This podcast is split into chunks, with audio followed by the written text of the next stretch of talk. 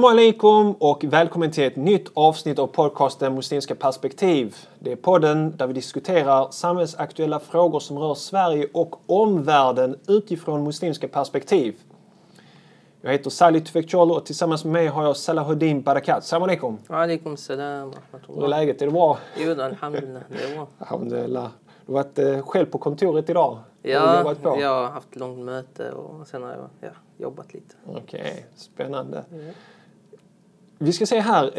Eh, vi har inte kollat vår mailbox på ett tag. Mm. Men jag gick in och läste och det droppar in eh, lyssnarfrågor. Ja. Vilket är jättekul. Mm. Och jag har märkt att det är även många icke-muslimer som, som lyssnar på Mm. det här och som har en annan tro också. Och, och det tycker jag är positivt. Det var en av våra målsättningar. Liksom, att få Precis. Mm. andra också lyssna på det, inte bara inbördes. Liksom, Att det var muslimer som lyssnar. Så att jag tänkte som så att vi kanske kan ha det som en stående inslag att vi lyfter fram sådana här lyssnarfrågor varje gång vi börjar ett avsnitt. Låter bra. Ja, precis. Så att folk kan fortsätta och skicka in mail och då skickar ni till eh, admin muslimskaperspektiv.se. Så jag ska bara leta fram då det här mejlet som vi fick eh, som droppade in som jag tänkte att skulle passa bra att gå igenom idag. Och det är faktiskt lite synpunkter på vad du sa i ett av våra avsnitt. Okej. Eh, som handlade, ja, det var på slutet av avsnittet, där vi kom in och nuddade vid det. Eh, Och du sa någonting som eh, Per-Olof reagerade på, men även jag reagerade på. Men jag. Mm. reagerade på lite annorlunda. Jag reagerade liksom så här, hmm, det där var ganska bra. Per-Olof reagerade lite mer, eh, tycker ni verkligen så här? Ah, jag vill ha klargörande. Lite mer negativ inställning. Men han har skrivit ett fantastiskt. Eh, Och lyssna Per-Olof, tack så mycket för det här mejlet som, som är fylld med rosor. Eh, och sen då, han vill ha ett förtydligande här på slutet. Så att jag har förkortat det, för Ja. det var väldigt lång. Han säger så här. Hej Sally och Salahuddin. Tack för ert arbete med att ge ett muslimskt perspektiv på aktuella företeelser i samhället. Jag är sekulariserad kristen och intresserad av att lyssna på er podd för att bättre förstå världen sådan den är, snarare än hur jag skulle vilja att den var. Det är också intressant att eh, höra rösten från kunniga muslimer som förhåller sig till världen som den är.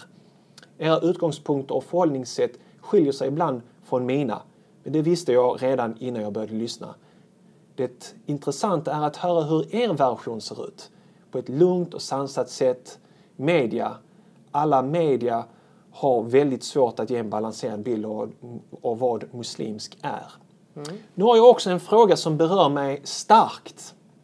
I avslutningen av podd 15, alltså avsnitt 15, nämner Salahuddin att han överväger att ifrågasätta det riktiga för muslimer att rösta i det svenska valet. Jag har en stark tro på några saker. Det ena är människors lika värde, vad jag nu menar med det. Och det andra är min tro på demokrati och styrelseskick för ett samhälle. Eh, Jag tror att podden ger sig ut i grumligt vatten om den ifrågasätter ett av demokratins fundament som oförenlig med islam. Demokratin är under angrepp av mörkermakter i många länder, också i Sverige. Jag upplever er podd som ett ljus i mörkret och jag skulle avsky om nättrollen och mörkerkrafterna fick sällskap av majoritetssamhället att peka ut muslimer som bakåtsträvande krafter som absolut ska tystas, ignoreras och förhånas.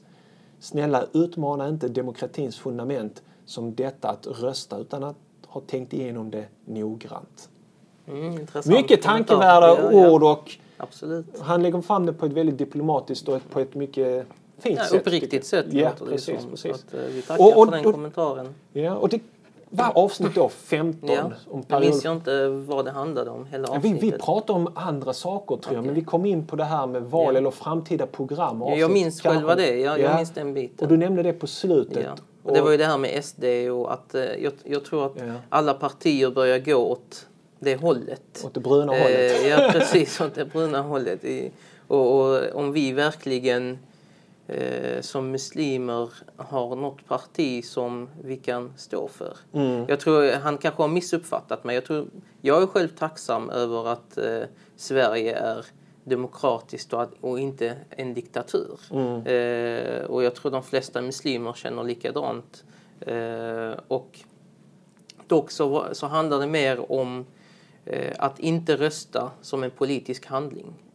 Som ett sätt att visa missnöje. man kanske kan göra det på annat sätt, rösta blankt eller så här. Mm. Jag vet inte. Men eh, när man ser att hela systemet mm. går åt, när vi har ett system som går åt att stödja eh, på ett sätt eller annat eh, förtryck av eh, min grupp som jag ser det, mm. den grupp som jag tillhör, muslimer, så kommer jag självklart inte kunna stå bakom ett sådant system.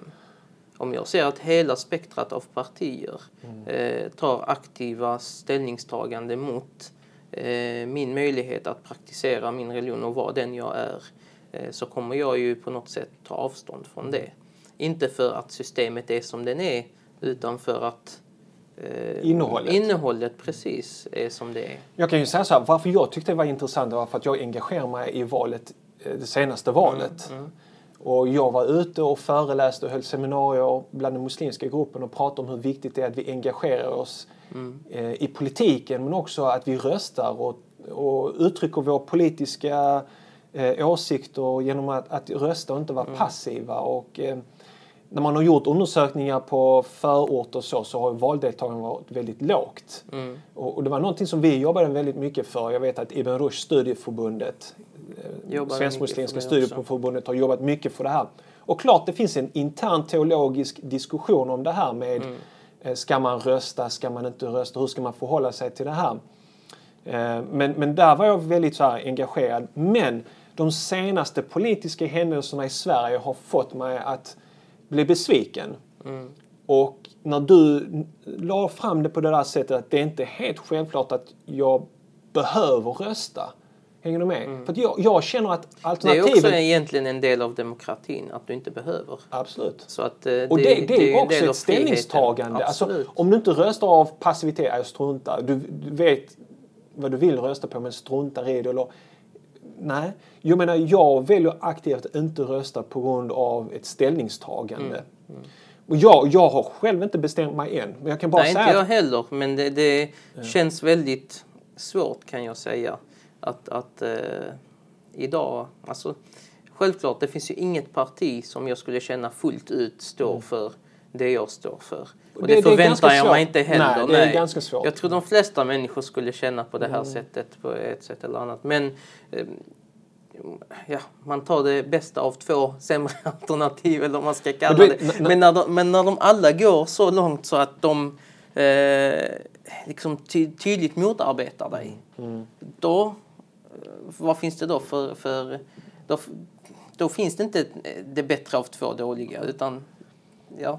Alltså om man tar till exempel Miljöpartiet eh, som, som inte backade upp eh, Nej, de har med, med Kaplan eller Yasri Khan. Alltså, alltså det, det, och sen ja. tar du, du Vänsterpartiet vet, som profilerar sig. Miljöpartiet har tappat sin... Eh, du vet, för mig är integritet och hederlighet mm. eh, väldigt viktigt stå för det du vill stå för. Mm. Eh, jag håller inte med, men jag vet i alla fall, jag kan lita på dig, jag vet vad du står för. Mm. Men att parti använder sig av muslimer för att eh, fixa röster och de vet om att de här muslimerna praktiserar på det här sättet och det var ingenting okänt för dem eller för mm. ledningen och sen därefter att bara vända mm. dem ryggen till när media fick eh, fokus på det, när media fick, fick reda på det.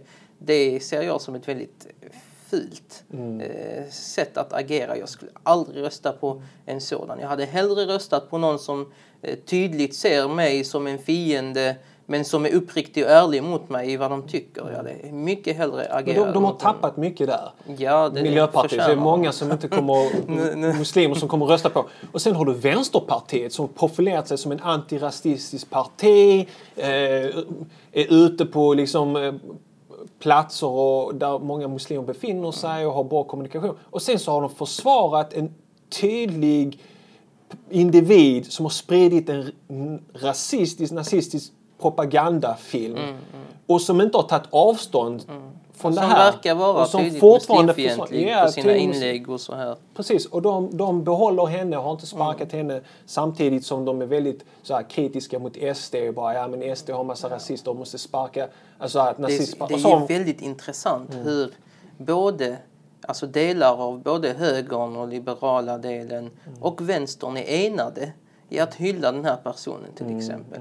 Och hylla personer likt denna. Det är mycket intressant Liberala- att se. Ja, precis. Gränsöverskridande samarbeten liksom.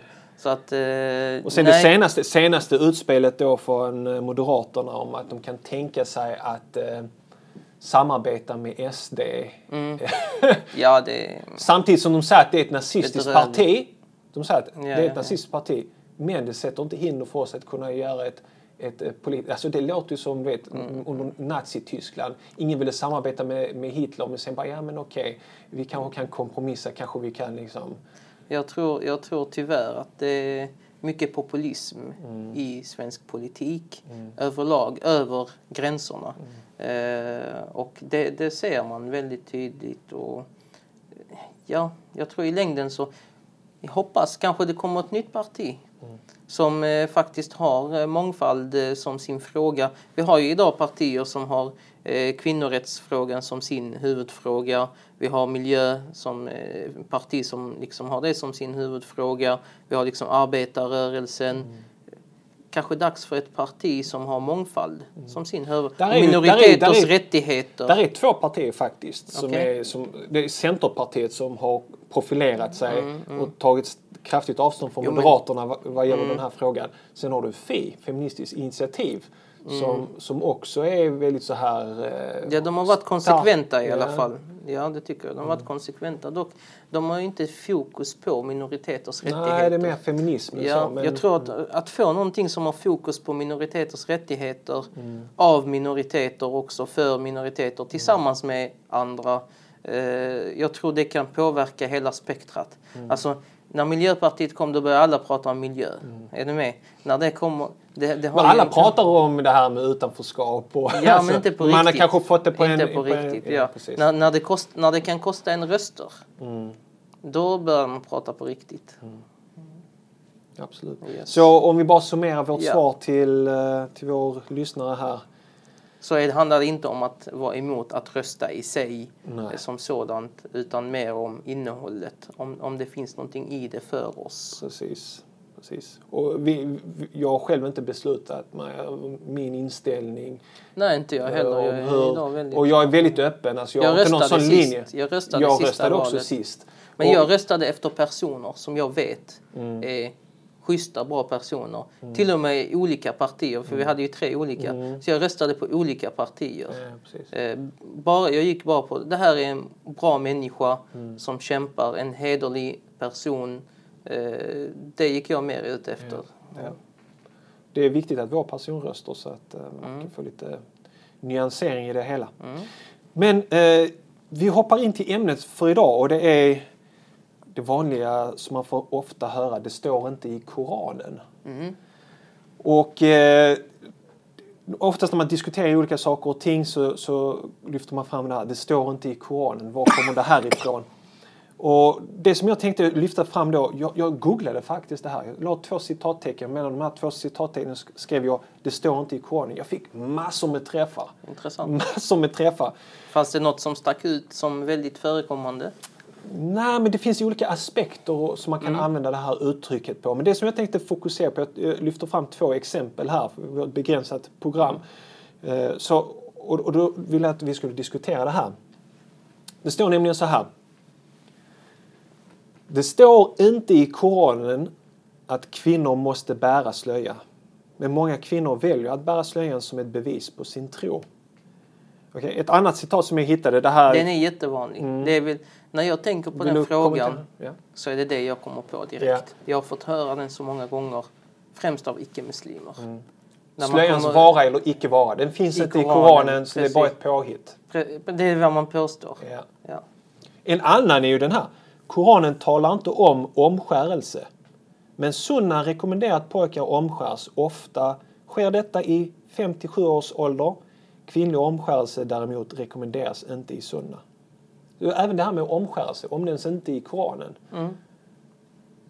Men det rekommenderas i sunna. Det är liksom... Eh, vi, kan, vi kan titta på det lite grann. Sen finns det en bok. Så man kan ju säga att det finns eh, sådant som är att eh, som man påstår inte finns i Koranen, Mm, men som finns där. mm, Sen finns det sådant som man påstår inte finns där och som faktiskt inte finns där. det kan man ju säga att, eh, eh ja, vi får se. Det finns, det finns några andra citat innan vi går in på det här som jag skulle vilja lyfta fram. Det finns en bok som har den här härliga rubriken Resa i Sharia-land. Okay. Ett reportage om kvinnors liv i Saudiarabien. Mm -hmm. Om jag kan få det här på min datorskärm här.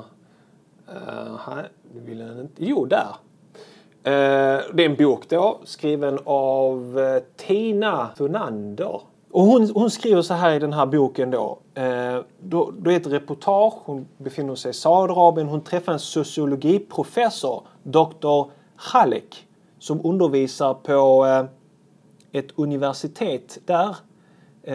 King Saud-universitetet. Och de pratar lite om det här med kvinnligt och manligt och så. Och då står det så här. Ehm, en del anser det vara obligatoriskt att täcka ansiktet. Jag förmodar att det är Tina som säger det. Och då svarar Dr. Khalek. Var står det i Koranen? Eller det är någon som säger var står det i Koranen? Det står inte i Koranen. För mig gäller det att vara anständigt klädd. Det viktiga är vad som är inuti huvudet. huvudet. Och så vidare. Mm. mm. Och det är återigen det här med att det, det står, står, inte i Koranen, i Koranen ja, att det är den enda liksom, muslimska auktoriteten. Mm. Och så kommer vi till eh, islamologen Jan Järpe. Mm. Handskakningsdebatten. Mm. Han kommer in här. Det är i SVT Nyheter, islamolog. Det handlar inte om jämställdhet. Mm. Och då står det så här. Um,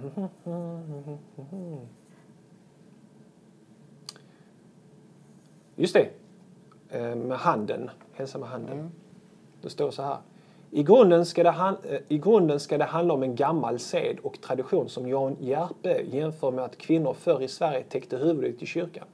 Att inte röra vid någon är också en sed som inte har något att göra med hur djupt troende muslim man är. Jan Järpe då citat. Mm. Det är en gammal sed, men här i Sverige är fenomenet relativt nytt och har fått en ny betydelse för många muslimer har det blivit en symbolfråga. Ofta är det unga, nytroende muslimer som är födda i Sverige som vill markera sin muslimska tro genom att inte ta i hand eftersom det uppfattas kontroversiellt. Journalisten frågar, men vad handlar det om i grunden?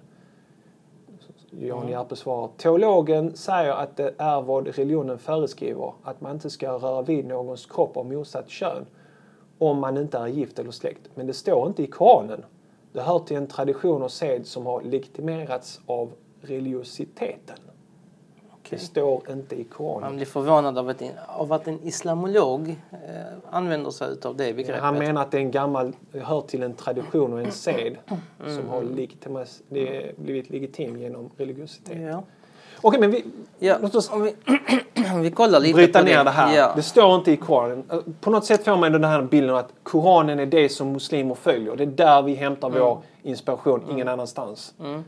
Alltså, först och främst eh, så majoriteten av muslimerna, alltså 99,99 procent, eh, alla muslimer skulle jag säga. Mm. Eh, det finns några muslimsk inspirerade sekter som inte accepterar det. Men alla muslimer traditionellt sett och idag följer, eh, har någon annan källa till religionen än bara Koranen. Mm.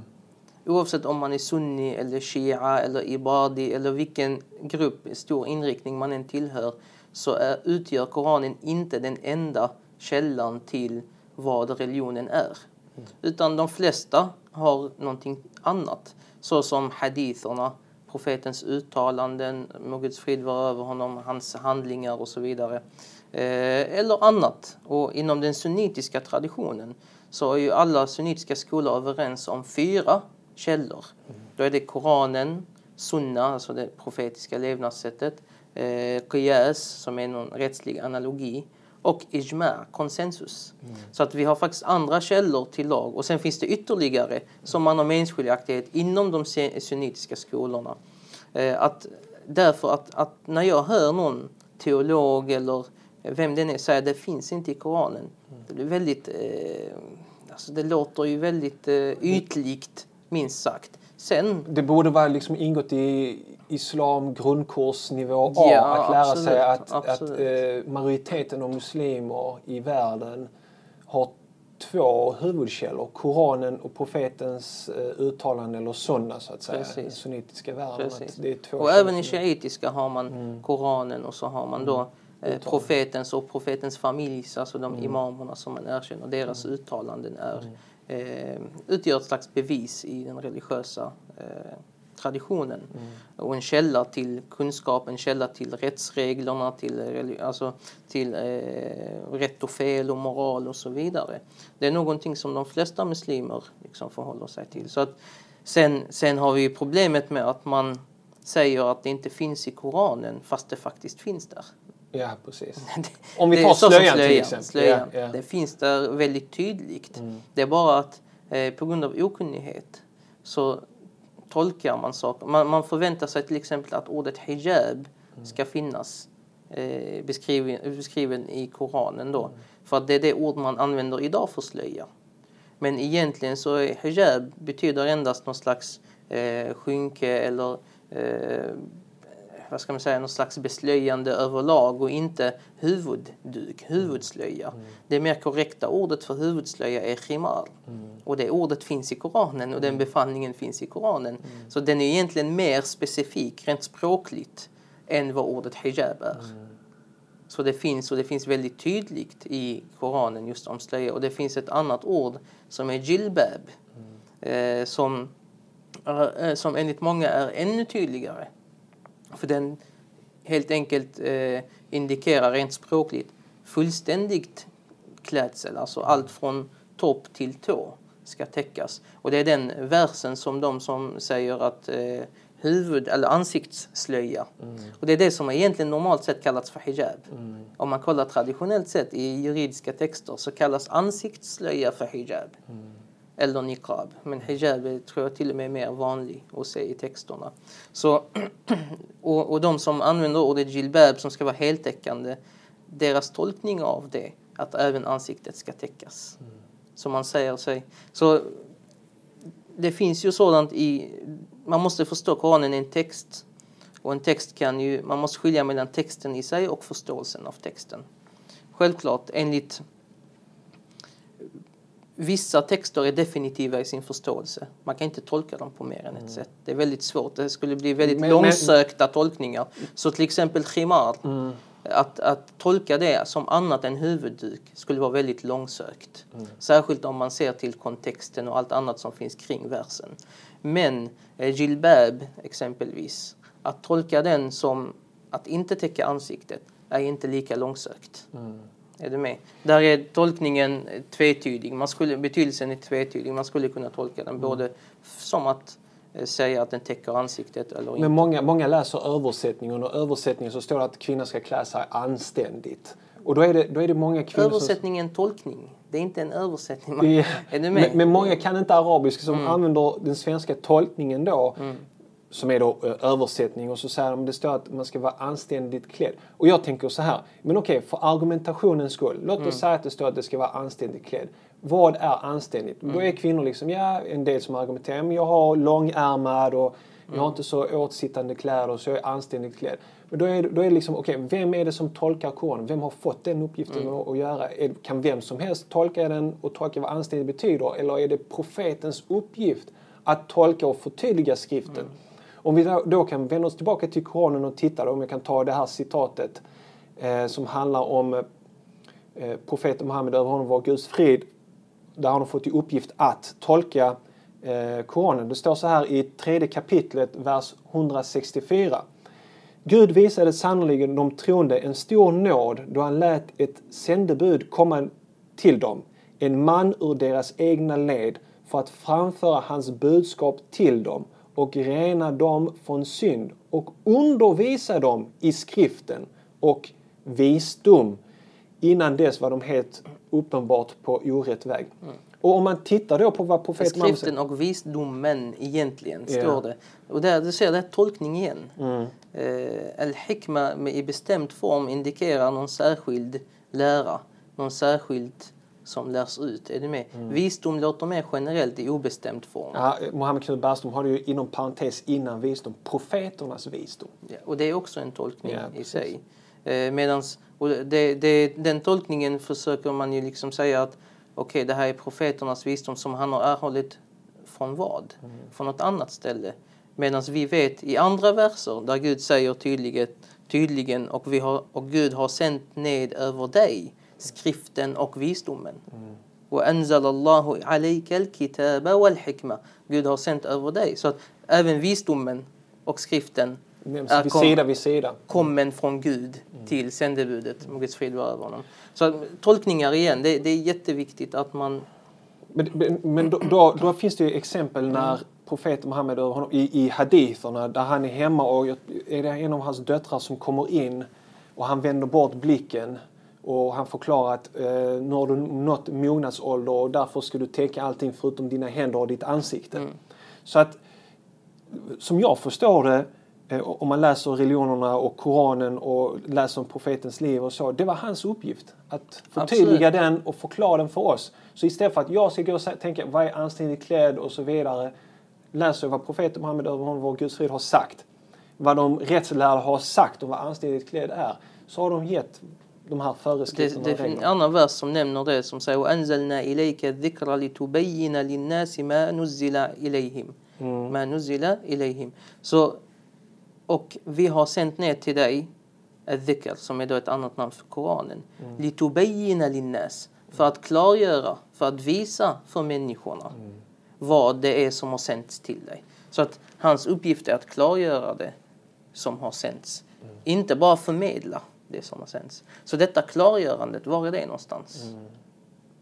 Det, Det det klargörandet hans är det liv. som är Ja, sunnan. Ja. Det är det vi har utifrån. Där han förklarar, där han har tolkningsföreträde Mm. som profet, sänd av Gud. Och det Annars, det. annars kunde Gud bara ha uppenbart en skrift. Han kunde bara låtit Koranen profet. falla ner från himlen. Här har ni boken, läs den. Men han vet att för att man ska förstå en skrift så behöver man någon som förklarar. Och det är det som är profetens uppgift. Men jag, jag tänker så här hela tiden. Var kommer den här tanken ifrån? Det står inte i Koranen. Det står inte i Koranen.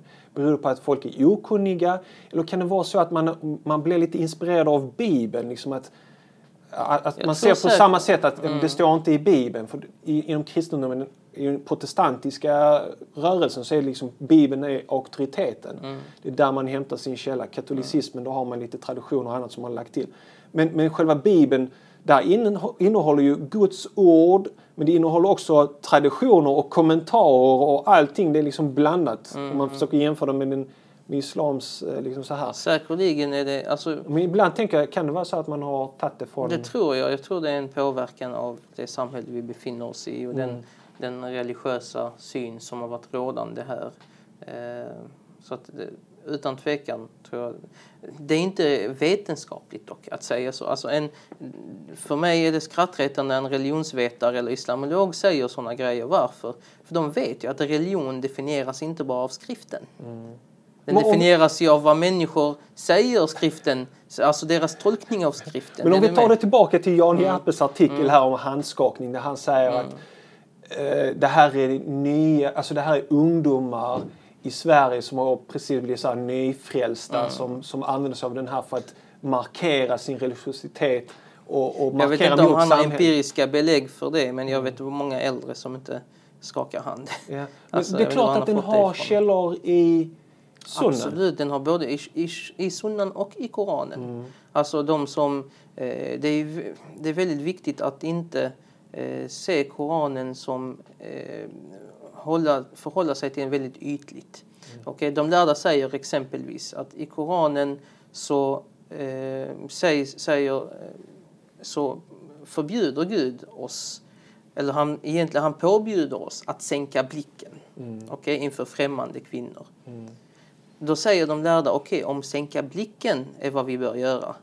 Hur är det då med beröring? Det är ju ännu mer. Det är det som när Koranen säger, وَلَا تَقُلْ لَهُمَا uffin. Säg inte uff till dina föräldrar. Okej, får jag lov att svära mot dem? Får jag lov att slå dem? Nej, självklart inte. Du får ännu mindre göra det.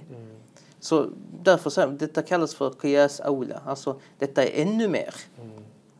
sant. Om du, om du säger att det inte ens är tillåtet att säga uff till dem, då är det ännu mindre tillåtet att eh, slå dem eller att, att eh, på något sätt kränka dem eller så här. Samma sak är det här. Om du inte ens ska höja blicken, om du ska vara, sänka din blick och inte ha en lustfylld blick, då är det ännu mer så att du inte ska skaka hand. Mm, så att även där så hittar teologerna grund för det i Koranen, en väldigt stark grund i Koranen. Och sedan så är det ju i haditherna och annat. Omnämnt. Precis, väldigt om där är konsensus i frågan och så För vidare. det, det är jättemärkligt att Jan Järpe argumenterar på det sättet. För då ska man ta hans argument och då ska man kunna applicera det på bönen. Jaha, Absolut. de ber fem gånger om dagen på det här sättet. Ja, men det är för att de vill markera mot samhället att de är annorlunda. För det finns inte omnämnt i Koranen. Precis. Pilgrimsfärden med alla de här olika stationerna och allt det här man ska göra när man åker på pilgrimsfärd. Det finns inte omnämnt i Koranen. Det, Det finns väldigt- omnämnt generellt, men själva Precis. detaljerna är sånt som profeten Muhammed, över honom var Guds frid, eh, redogör. Och det är samma sak här. Förhållandet till kvinnor, sänk din blick, kanske generellt, men detaljerna är sådana som profeten över honom var Precis. Guds frid nämner. För att det här, det finns ju en grupp, sekt, eh, i den muslimska gruppen, men de anses ju inte vara muslimer av majoriteten. Det är de som kallas för koranister. Så de som bara säger vi följer bara Koranen och ingenting annat. Det låter lite grann som Ja, det är deras lite- sätt att argumentera. Det står inte i Koranen det här, det står inte i Koranen. Ja, precis. De har, det är också ett väldigt ytligt sätt att förhålla sig både till Koranen. Alltså, Koranen uppmanar oss att följa profeten. Mm, kan... Gud säger till profeten Qul in kuntum Allah. Säg om ni älskar Gud, mm. följ mig. Alltså profeten ska säga till folket följ mig och Gud ska älska er. Mm. Ja, men följa honom. Eh, hur följer vi honom om vi inte har, får reda på vad han gjorde och vad han sa? Han sa inte följ Koranen Nej, endast, utan han sa följ mig. Och på många ställen, många verser i Koranen så, så säger Gud lyd Gud och lyd sändebudet. Lyd Gud, lyd sändebudet. Väldigt många platser. Det, det, det, Det hade inte behövt sägas. Det hade bara behövt sägas lyd Gud, Precis. lyd Koranen. Och det, det, står, det är i Sura 4, vers 59 i svensk tolkning som lyder, lyder så här. Troende, lyd Gud och lyd sändebudet och de bland er åt vilka myndighet och ansvar anförtrotts. Och de lärda säger att Gud säger lyd Gud och lyd sändebudet. Där, där lyder du, för det är från Gud, de, har, de är ofelbara. Och sen står det och de, inte och lyd dem bland åt er. Nej, och där står det bara och följ dem, alltså så här. Men är på villkoret att de följer Det är ju för att, Gud och precis, det, är- det är egentligen två befallningar Mm. av lydnad. Lyd Gud, ena befallningen. Sen kommer ett wow och. Mm. Och man säger i det arabiska språket al-wow lil mughayara. Alltså när det kommer ett och så är det som är efter annat än det som är före. Är du med? Detta är en generell regel. Det finns Mm. Undantag men den är en generell grammatisk regel. Lyd Gud och sen kommer ett nytt en ny befallning och lyd sändebudet. Mm. Sen kommer, och de av er som anförtrotts eh, Eh, myndighet. myndighet. Dessa, lydnaden till dessa är egentligen en lydnad till profeten. Mm. Är du med? Det är en led, alltså det är ett resultat av lydnaden till profeten. De förtjänar inte lydas av sig själva för sig för att de har myndighet. Utan de förtjänar lydas för att de följer profeten eller att de lyder profeten. Så att eh, det, den, den, eh, att plocka bort profeten sunna må Guds frid vara över honom från eh, den muslimska, från islam. Du kommer få en helt ny annan religion. Och det ser, man, det ser samma- man med koranisterna. Ja. Eh, De plockar bort, de säger att vi följer bara Koranen och sen när man går in i deras olika forum och så, så diskuterar de hur många böner är det om dagen. Mm. Då har du den ena falangen som säger det är tre böner om dagen, den andra falangen som säger det är fyra. Det är alltid mindre än fem. Aldrig mer än fem. Men du vet, så sitter de alltid och bråkar Det är om som det. en sekt, de vill urskilja sig. Och de vill Ja, vara precis. Men, men vad som händer är att de kommer aldrig till någon konsensus utan de är ännu mer splittrade. Varje individ har en Koranen egen. kan tolkas på mer än ett sätt. Mm. De har inte förstått det. De tror att om vi bara följer Koranen då är alla överens och då är det sunnan som har gjort att vi De tyvärr en väldigt ytlig syn på Koranen. Sen bara det att profeten har ett rättsligt Han är ett rättsligt bevis i sig och hans ord indikeras till och med i Koranen själv. Till exempel har vi befallningen i Koranen om där profeten befalls att eh, vända qibla. Att, att lämna den eh, böneriktningen som var mot Jerusalem och vända sig mot Mekka. Då säger vi befallningen om att vända sig, rikta sig mot Jerusalem, var finns den? Det finns inte i Koranen. Är du med? Ja, Så. Koranen abrogerar någonting som profeten lärde ut. Okej. Och det var gällande. Så att Koranen i sig visar att profetens, det profeten lärde ut och hans befallningar är gällande. Så att, eh, och det finns flera sådana exempel i Koranen som tydligt visar att inte allting som är gällande och som är eh, lag eller rättslära eller bud måste ha en grund i Koranen i specifikt, alltså en specifik eh, grund, utan profetens befallningar är en rättslig grund i sig självt. Det finns en annan vers också som man lyfter fram när man diskuterar det här och det är Sura 4, vers 65. Det lyder så här i svensk tolkning. Nej, vid din Herre, de är inte sanna troende för de sätter dig, Mohammed, som domare att döma mellan sig i alla tvister och därefter inte i sitt inre ha någon invändning mot dina beslut utan underkasta sig dem helt och fullt. Där ser man också ett exempel Mm. Och hade på det att... inte behövts, eh, alltså eh, Gud, eh, Guds tal är det bästa av tal och tydligaste av tal. Okej? Hade, det inte hade det verkligen varit bara Koranen, varför ens blanda in profeten i ekvationen? Ja, precis. Varför inte nämna bara de har inte sann tro förrän de går tillbaks till Koranen och låter Koranen döma mellan dem. Varför inte säga så bara?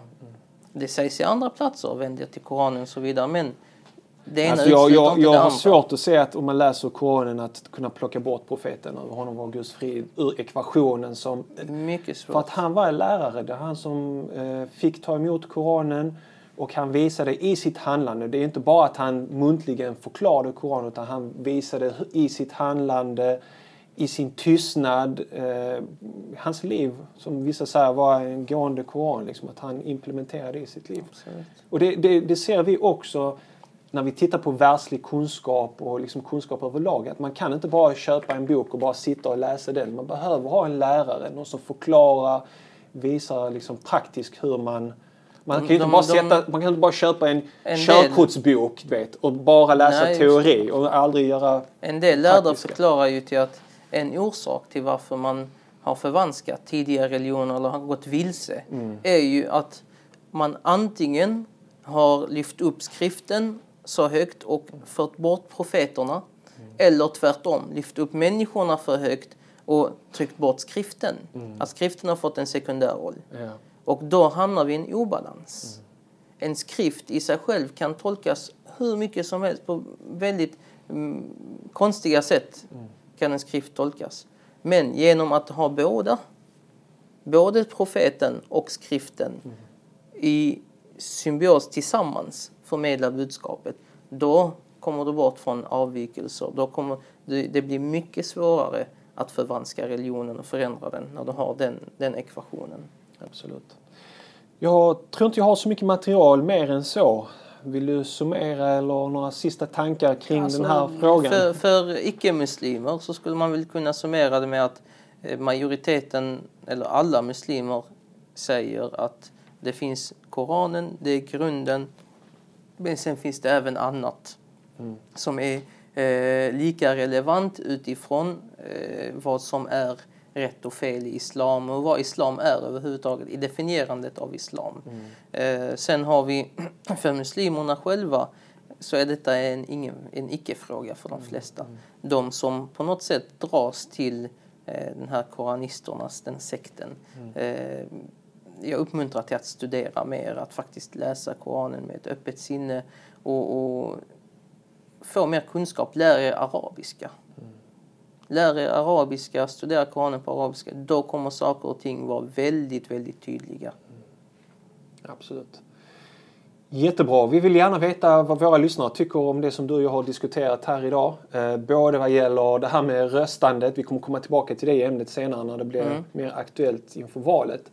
Eh, Men åsikter och tankar kring valet och partierna och just det här med att många partier rör sig åt det bruna hållet och så. Och sen just det här med, eh, det står inte i Koranen, eh, slöjans roll i... den-. Slöjan är bara ett exempel. Vi Ett exempel bland många. Vi har till exempel omskärelse också. Ja. Och sådär. Jättebra. Så att kommentera gärna på vår hemsida muslimskaperspektiv.se. Och vi vill gärna också att du tar två till tre minuter och delar dagens avsnitt på din Facebook-sida. På så sätt hjälper du oss att nå ännu fler lyssnare som kan dra nytta av våra samtal. Och har du frågor eller tips eller vill komma i kontakt med oss gör du det lättast genom att mejla oss på admin Till sist vill vi tacka våra sponsorer islamakademin.se där du kan hitta massor med spännande och intressanta artiklar om islam och muslimsk tro. Och vi vill också tacka Tahara.se som nu har eh, godnattsagor för barn från Koranen, från profeten över honom var Guds frid och från Sahaba. Så checka in det. Tack för att du har lyssnat på oss och på återseende.